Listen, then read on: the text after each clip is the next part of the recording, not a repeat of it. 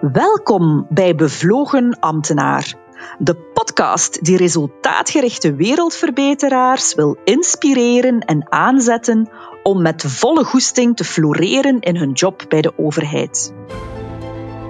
Ik ben Geertrui de Kok, een softe pol en sokker en een zakelijke vlerikvrouw. Dus net als een bevlogen ambtenaar ben ik een resultaatgericht wereldverbeteraar. Al ruim tien jaar mag ik als extern procesbegeleider bakens verzetten samen met de meest fantastische ambtenaren. Bij allerlei overheden en openbare instellingen breng ik frisse inzichten en maak ik ruimte voor bevlogenheid. Zo won mijn klant, de stad Gent bijvoorbeeld, de prijs van de Verenigde Naties voor Climate Change Action met speciale vermelding voor het participatieve karakter van het project. En ik ben daar best wel fier op, want precies daarvoor huren klanten mij doorgaans in.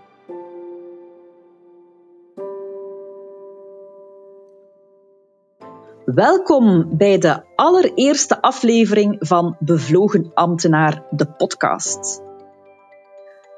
Toen ik in september hoorde dat Petra de Sutter minister werd, schrok ik niet. Ik zag het haar doen. Ik ken haar al jaren en weet waartoe ze in staat is. Maar hoe toevallig is het niet dat net zij, ik ken namelijk geen andere ministers persoonlijk, dat net zij de minister van Ambtenarenzaken zou worden. Ik moest het met haar hebben over mijn bevlogen ambtenaren. Dus nam ik de telefoon en de rest hoor je zo dadelijk hier. Ik heb het met Petra over wat haar bezielt om als gestelde prof en diensthoofd van een kliniek voor het wespennest van de politiek te kiezen. Wat maakt dat zij zo stressbestendig is en wat doet het met de mens om elke dag bagger over zich heen te krijgen omwille van wie je bent? Of ik heb het met Petra over wat het haar doet, die grote verantwoordelijkheid op haar schouders te voelen. En wat kunnen wij daarvan leren als bevlogen ambtenaar? Of ontdek hoe zij als perfectionist toch heeft leren delegeren. En wie weet, wat pik jij daarvan mee? Op het einde komt er ook een fantastische ontboezeming en geeft ze haar ultieme muziektip. Ze vertelt wat de Dalai Lama haar persoonlijk meegaf en wat zij ons wil meegeven. Veel plezier met Petra de Sutter. Dag Trui, hallo. Welkom, welkom Petra. Wat een aankondiging. Petra, mijn eerste vraag die ik wil in mijn podcast stellen is: ben jij een bevlogen ambtenaar? Ja, dank je voor die vraag, uh, Trui. Want uh, plots ben je dan minister van Ambtenarenzaken en dan vragen sommige mensen, ja, wat ken jij van ambtenarenzaken? Wel, ik ben ambtenaar, ik ben statutair ambtenaar al vele jaren, met politiek verlof. Zoals mensen wel weten heb ik een medische achtergrond en in het Universitair Ziekenhuis in Gent, waar ik 33 jaar gewerkt heb, van nu, nu vanaf 1 oktober echt niet meer natuurlijk. dat is moeilijk combineerbaar. Ik ben statutair ambtenaar met politiek verlof. Amai, 33 jaar, dat kan tellen. En Petra, ik noem u eigenlijk zomaar Petra. Ik heb ook niet eens gevraagd of dat mhm. mag, want ik noem u al 15 jaar gewoon Petra. Wij kennen elkaar al langer dan vandaag. Misschien kan jij eens vertellen van waar dat wij elkaar kennen? Goh, Trui, um, ja, inderdaad, we kennen elkaar al heel lang. Uh, eh, 15 jaar, dat wist ik niet eens dat het al zo lang was. Maar, uh... Ik kan dat goed bijhouden natuurlijk om, en de reden zal duidelijk worden waarom. Ja, wel, we hebben elkaar leren kennen in een eerder professionele context natuurlijk. Hè. Eh, zoals, uh, zoals ik net zei, ik ben arts, ik ben gynaecoloog en uh, al heel lang bezig met fertiliteitsbehandelingen, uh, IVF en andere. Um, en ja, we hebben elkaar in die context leren kennen. En uiteindelijk ben jij dan ook wel iemand die heel wat initiatieven hebt genomen in dat terrein via het, het, oprichten van een patiëntenvereniging bijvoorbeeld, niet minder dan dat. En, en heel nauwe betrokkenheid bij het opzetten van allerlei activiteiten voor lotgenoten en ook eh, de contactpersoon dan met het beleid, met de, de, de, de sector enzovoort. Dus uh, wat je vandaag doet, dat soort dingen doe jij natuurlijk ook al, al heel lang. Zo kennen we elkaar.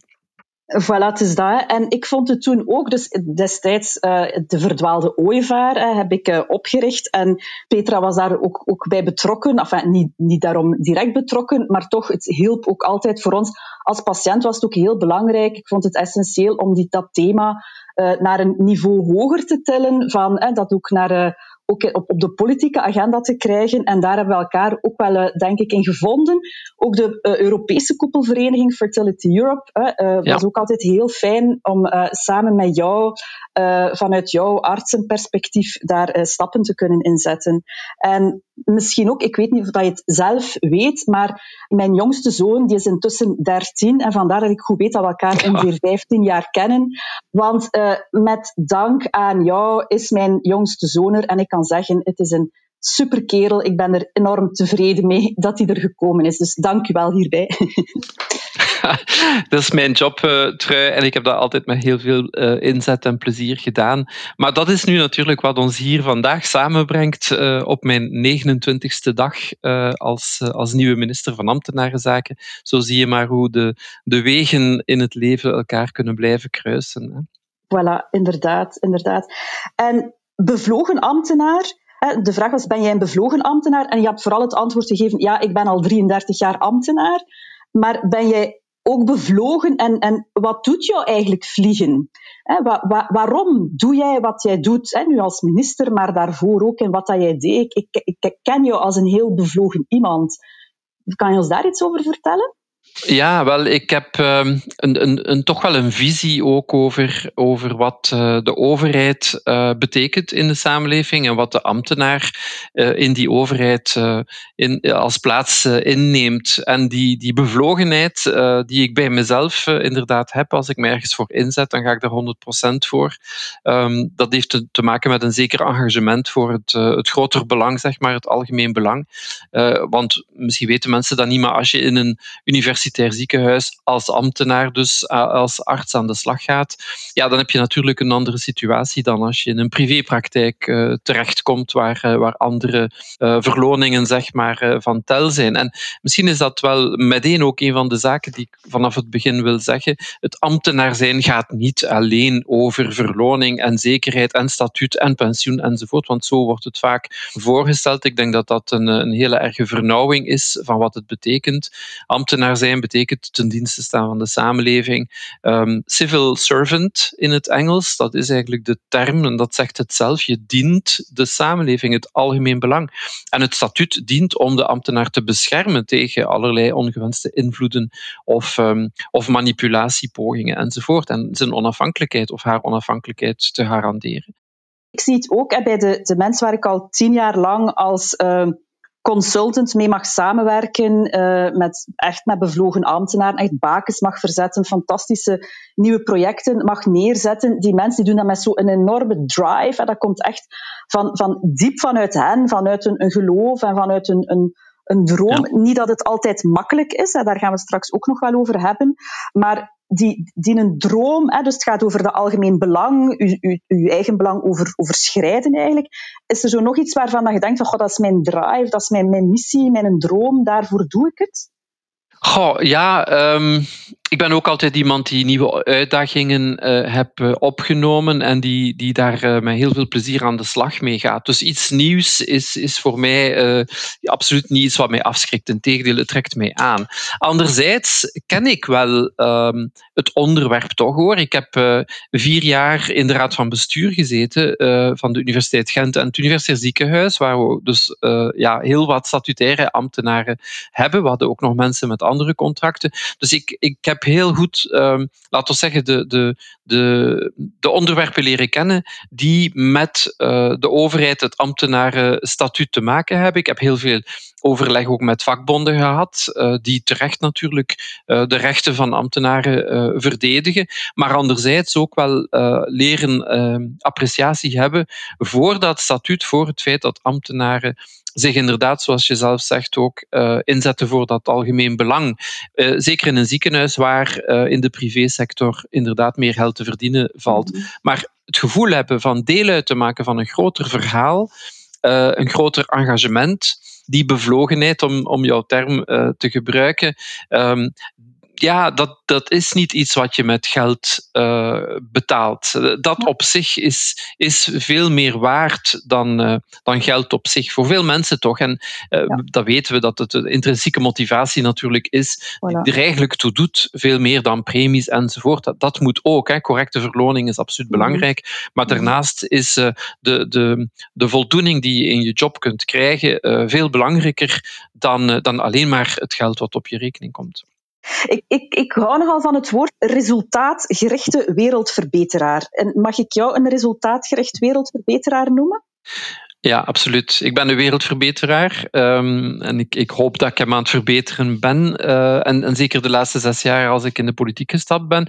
En resultaatgericht natuurlijk. Je wil resultaat boeken. Ik wil, en dat is mijn enige ambitie. Ik heb geen persoonlijke ambities um, uh, van waar wil ik binnen drie jaar zitten of zo. Dat heb ik helemaal niet. Mensen begrijpen dat ah, niet nee, altijd dat of geloven dat ook niet altijd. Nee, nee, nee, ik geloof het ook niet. Nee. Is dat echt waar? Nee, nee, nee, voilà. Ja, ja, voilà, je gelooft het ook niet. Ja, dat is echt waar. Um, ik heb echt niet een ambitie om binnen drie jaar weet ik veel wat te doen. Maar ik heb wel de ambitie dat men binnen drie jaar of binnen vier jaar zegt, tja, die heeft als minister van Ambtenarenzaken een aantal dingen in gang gezet, een aantal voilà. zaken uh, verbeterd.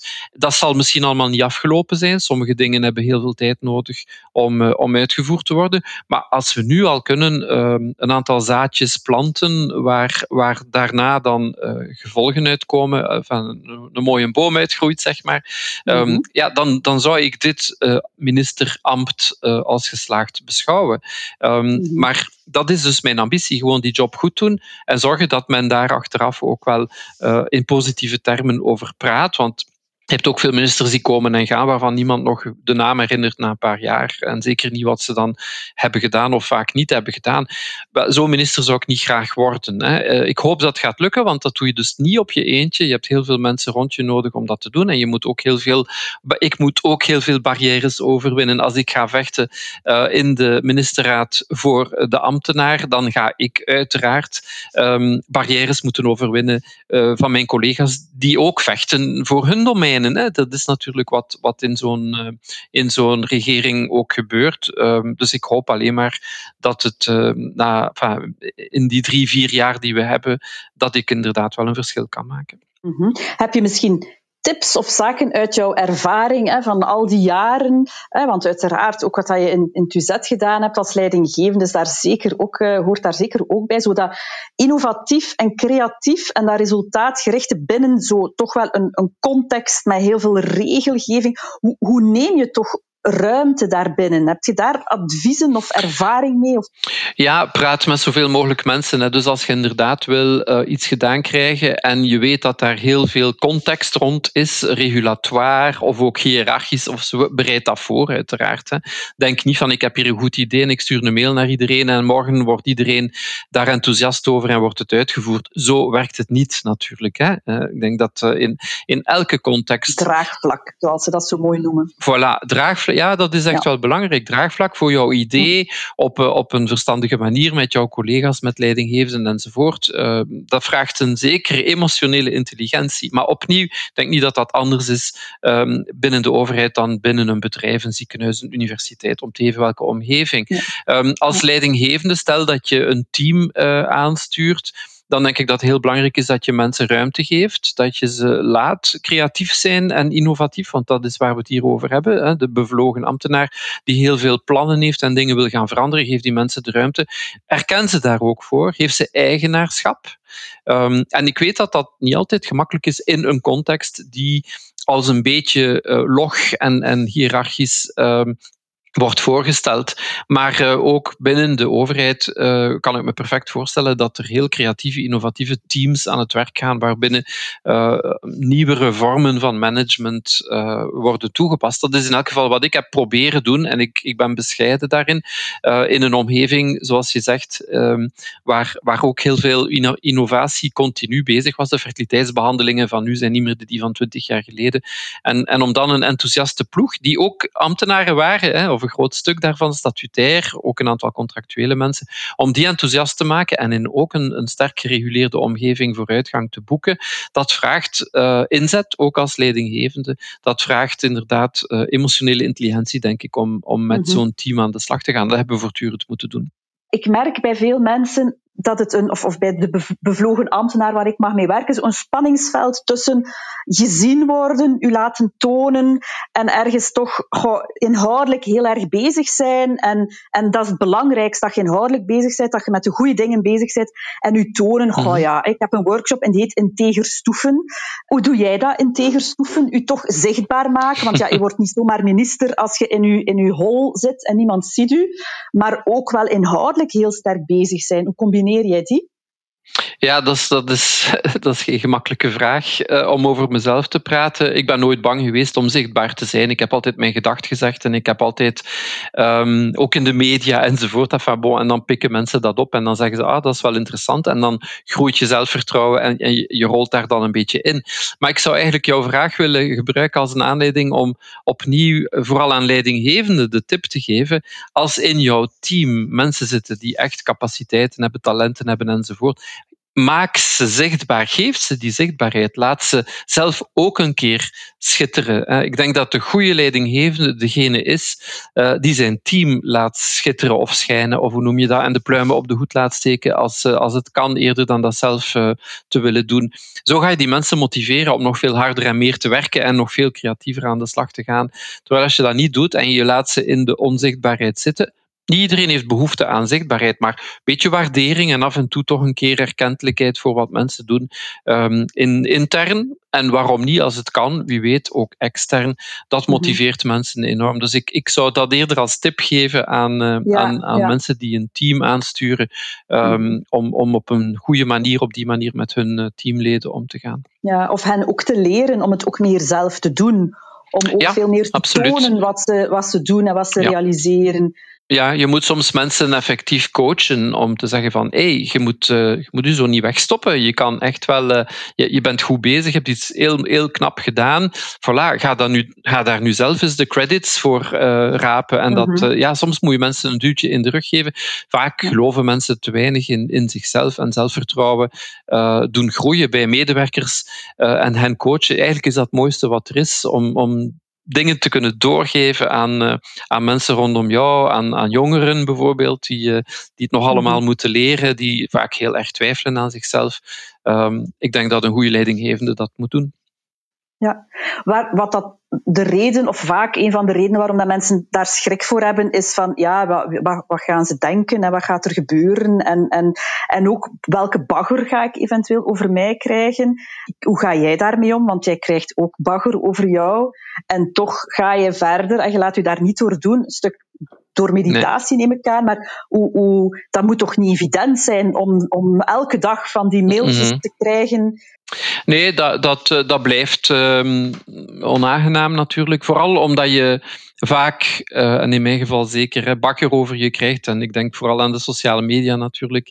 Um, voor, voor, voor ja, wie je bent of waar je symbool voor staat, uh, eerder dan, dan voor iets wat ik heb gezegd of gedaan. En, en dat, dat, dat komt zeer onrechtvaardig over. Nu, ik ben, zoals ik al zei, in 2014 in de politiek gestapt en uh, van in het begin heb ik dat dus mogen ervaren.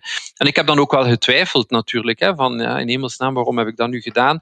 Maar je, je, je komt op voor iets, je, je vecht voor iets. In mijn geval was dat in de Raad van Europa voor, voor een, uh, een, een, een een dossier waar ik echt wel wou, wou voor gaan en heel, heel erg voor aangevallen ben. En dus ook persoonlijk. Maar er waren aan de andere kant heel veel mensen die zeiden: nee, eh, je moet doorgaan, we hebben je nodig. We hebben mensen als jij nodig die doorgaan. Want als je het opgeeft, dan hebben de anderen gewonnen. En dat is natuurlijk mhm. zo uh, in, in een uh, politieke en in dat geval vrij ideologische uh, strijd.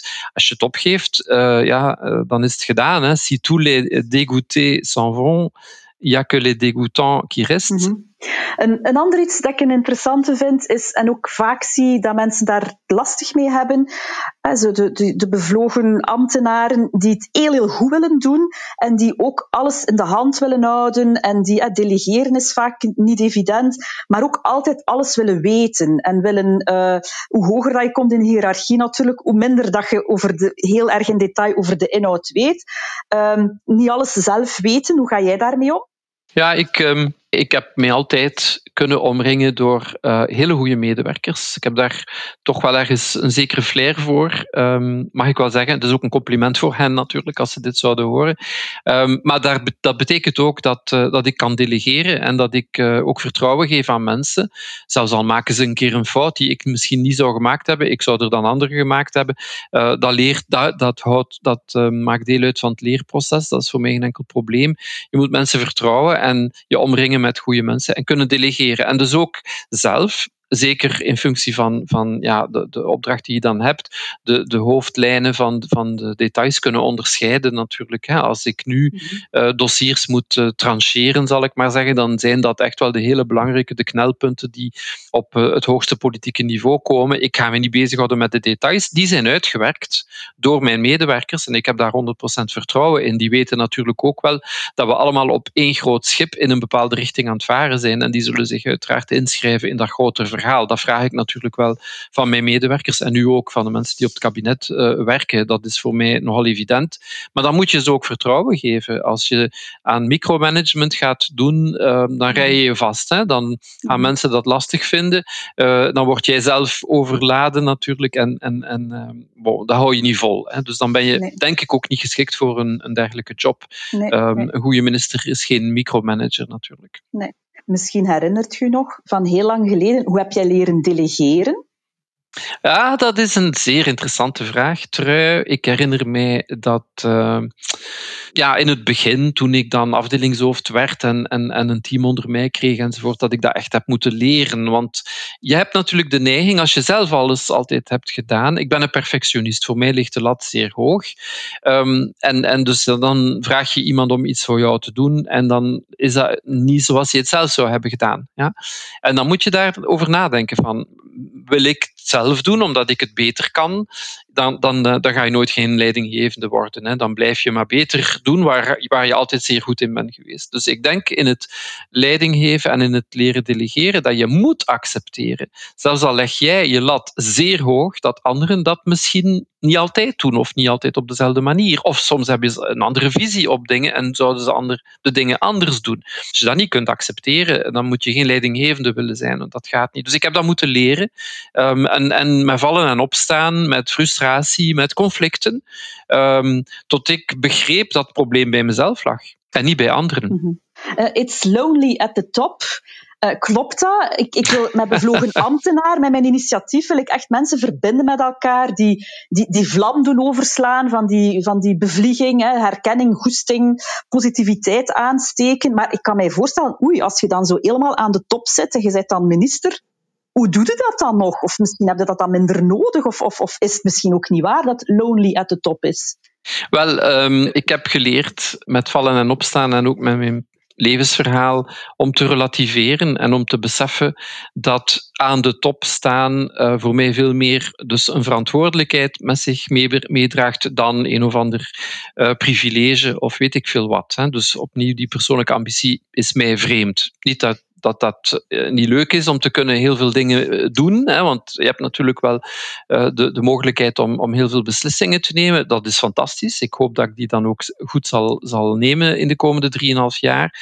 Maar um, ik heb wel geleerd hoe relatief dat allemaal, al, al, allemaal is. En zeker in de politiek, dat weet ondertussen wel iedereen. Men kan je ophemelen en de dag nadien terug naar beneden trekken. Dus ik, ik ga daar zeer relaxed mee om. Ik heb hele goede vrienden, ik heb een hele goede relatie. Ik woon in uh, de Vlaamse Ardennen, uh, waar het heel mooi wonen is. Uh, in de weekends ben ik daar. Ik, in, in, de, in de week nu um, in Brussel. Maar enfin, met telewerk zitten we toch weer thuis, maar in normale omstandigheden zit ik in Brussel in de week. Ik kan heel erg ontspannen en genieten en beseffen ook wat echt belangrijk is in het leven. En dat is niet de positie die je bekleedt. Uh, dat is uh, uh, datgene wat zeer dicht bij jou staat. In deze tijden uiteraard je gezondheid, maar ook je, je, je, ja, je vriendschap, je familie, je, je relatie. Um, dat is voor mij wel het allerbelangrijkste. En dat kan ik wel goed voor ogen houden, ook als het eenzaam aan de top is. Ik zal mij mhm. nooit verpersoonlijken met mijn functie. Mm -hmm. Mm -hmm. Oké, mooi, mooi. Ik heb nog een aantal uh, keuzes, een soort van dilemma's die ik jou graag wil voorstellen. En ja, het is aan jou om eentje te kiezen en misschien kort te duiden waarom dat je uh, die kiest. En het eerste duo is faalangst of straalangst faalangst of straalangst. Ik zal goed moeten nadenken wat je bedoelt met straalangst. Ja, um, wat zou je, daar, wat zou je ik... daaronder verstaan? um, de angst om te stralen, angst voor succes, angst om mm -hmm. positieve feedback te krijgen. Ik heb dat niet. Ik heb ook geen faalangst. Ja, allee, het is een beetje lastig nee. waarschijnlijk, want ja. misschien is dat niet zo typisch. Ik heb geen faalangst. Maar ik moet wel zeggen, ik had dat natuurlijk wel hè, toen ik jong was en mijn eerste voordracht moest geven, want ik heb er in mijn leven ondertussen meer dan duizend gegeven, gegeven volgens mijn curriculum althans, en, en al vele die er niet in staan. Um, de eerste keer, ja, je staat te, te sidderen en te beven voor een groot publiek. En dan krijg je positieve kritiek en die mensen zeggen, oh, je hebt dat goed gedaan. En de tweede keer heb je al wat meer vertrouwen en, zo, en dat bouwt op. En, en dus opnieuw door ouder te worden. Ik heb geen faalangst. Um, ik heb geen um, uh, podiumstress of hoe zegt dat? Uh, een beetje mm -hmm. altijd, hè. Uh, dat is ook gezond, maar, maar zeker, ik lig daar niet van wakker s'avonds, de nee. dag tevoren enzovoort. En straalangst. Dat, dat, weet ik niet goed, dat ik me moet bij voorstellen. Heb ik ook niet. Ik ben blij als mensen vinden dat ik iets goed heb gedaan. Um, en ik, ben, ik sta ook open voor, voor kritiek als mensen zeggen ja, dat of dat heb je minder goed gedaan. Dan, dan hoop ik daar iets uit op te steken voor een volgende keer. Mm -hmm. Maar ik weet nu niet of dat een antwoord op jouw dilemma is. Ik vond het een, een boeiend antwoord in ieder geval, dus dat is belangrijk. Hè? Een ja, volgende okay. is invloed, invloed of macht. Invloed of macht. Mm -hmm. uh, ja, uh, ik zou eigenlijk een derde willen, gezag. maar ja, dat, die keuze geef je mij niet. Nou, wel, gezag is iets wat je verdient, hè, iets wat van op natuurlijke wijze uh, aan jou toegeschreven wordt. En daardoor ja, zal je invloed uh, uitoefenen. Um, dat kan ook met charisma te maken hebben. Macht vind ik een, een, een woord um, dat, dat ik niet zo graag hoor, omdat het zo vaak misbruikt wordt. Ik bedoel niet het woord, maar macht zelf natuurlijk. Als macht niet op gezag of op charisma gebaseerd is, dan, um, dan vind ik het iets gevaarlijk. Uh, dus ik hou niet van het woord macht. Maar invloed kan dan ook beïnvloeding en manipulatie in zich houden. Dat vind ik eigenlijk ook niet zo'n super woord. Ik zou veel liever over gezag spreken, omdat dat iets is wat je afdwingt. Dus te zeggen, je verdient dat, um, dat komt op natuurlijke wijze. En ik denk dat echt leiderschap veel meer met gezag te maken heeft dan met macht. En ook wel met invloed. Invloed is iets wat daar dan kan uit voortvloeien. Maar als invloed gebruikt wordt als een instrument om macht te verwerven, dan beschouw ik dat niet als iets zeer positiefs. Mm -hmm, mm -hmm. Een volgende is minister of arts. Ik denk dat dat een gemakkelijke is. ik ben arts in hart en ziel. Uh, ik heb het altijd willen blijven. En ik heb ook altijd gezegd, de laatste zes jaar, zolang ik kan, zal ik dat blijven zijn en doen. En dus van, zelfs vanuit het Europees Parlement heb ik de vrijdag namiddag nog consultaties uh, in het UZ gedaan tot een maand geleden. Omdat ik, omdat ik dat zo graag doe. Dat is echt uh, niet alleen een job, voor mij is dat een soort roeping. Nu, als minister kan je dat niet meer doen. Ik denk dat dat nogal duidelijk is, dat je geen consultaties kunt, kunt blijven doen. Dus ik heb dat moeten stopzetten met heel veel pijn in het hart. Dus je zou kunnen zeggen, ik heb nu gekozen, maar eigenlijk heb ik, dat, heb ik ook niet gekozen. Hè. Ik, ik ben gekozen, zo zie ik het echt wel.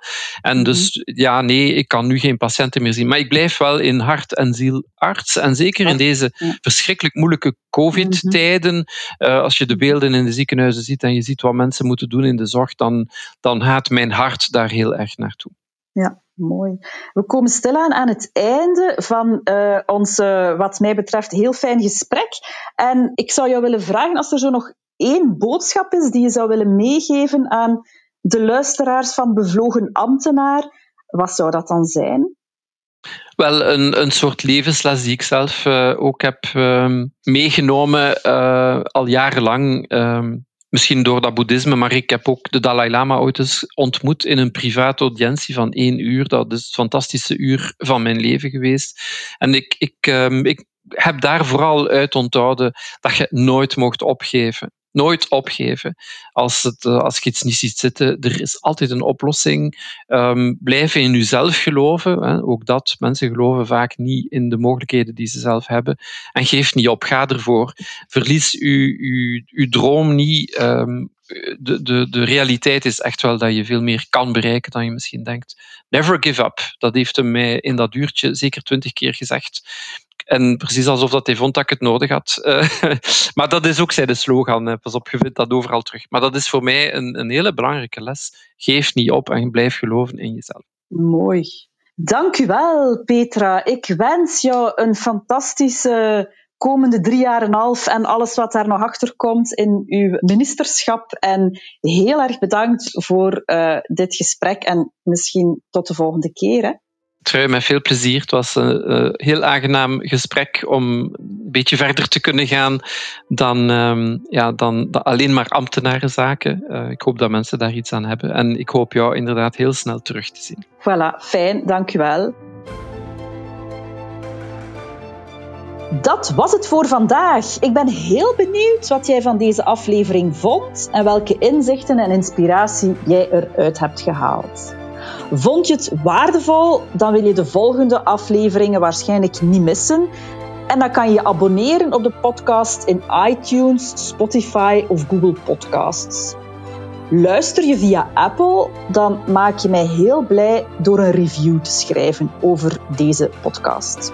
Wat je ook kan doen, is hem gewoon doorsturen naar jouw collega's, bevlogen ambtenaren, die er volgens jou ook echt iets aan zouden hebben. En wist je trouwens dat Bevlogen Ambtenaar ook een gratis nieuwsbrief heeft? Surf naar www.bevlogenambtenaar.be en op de homepage vind je de knop om je te abonneren. Tot de volgende!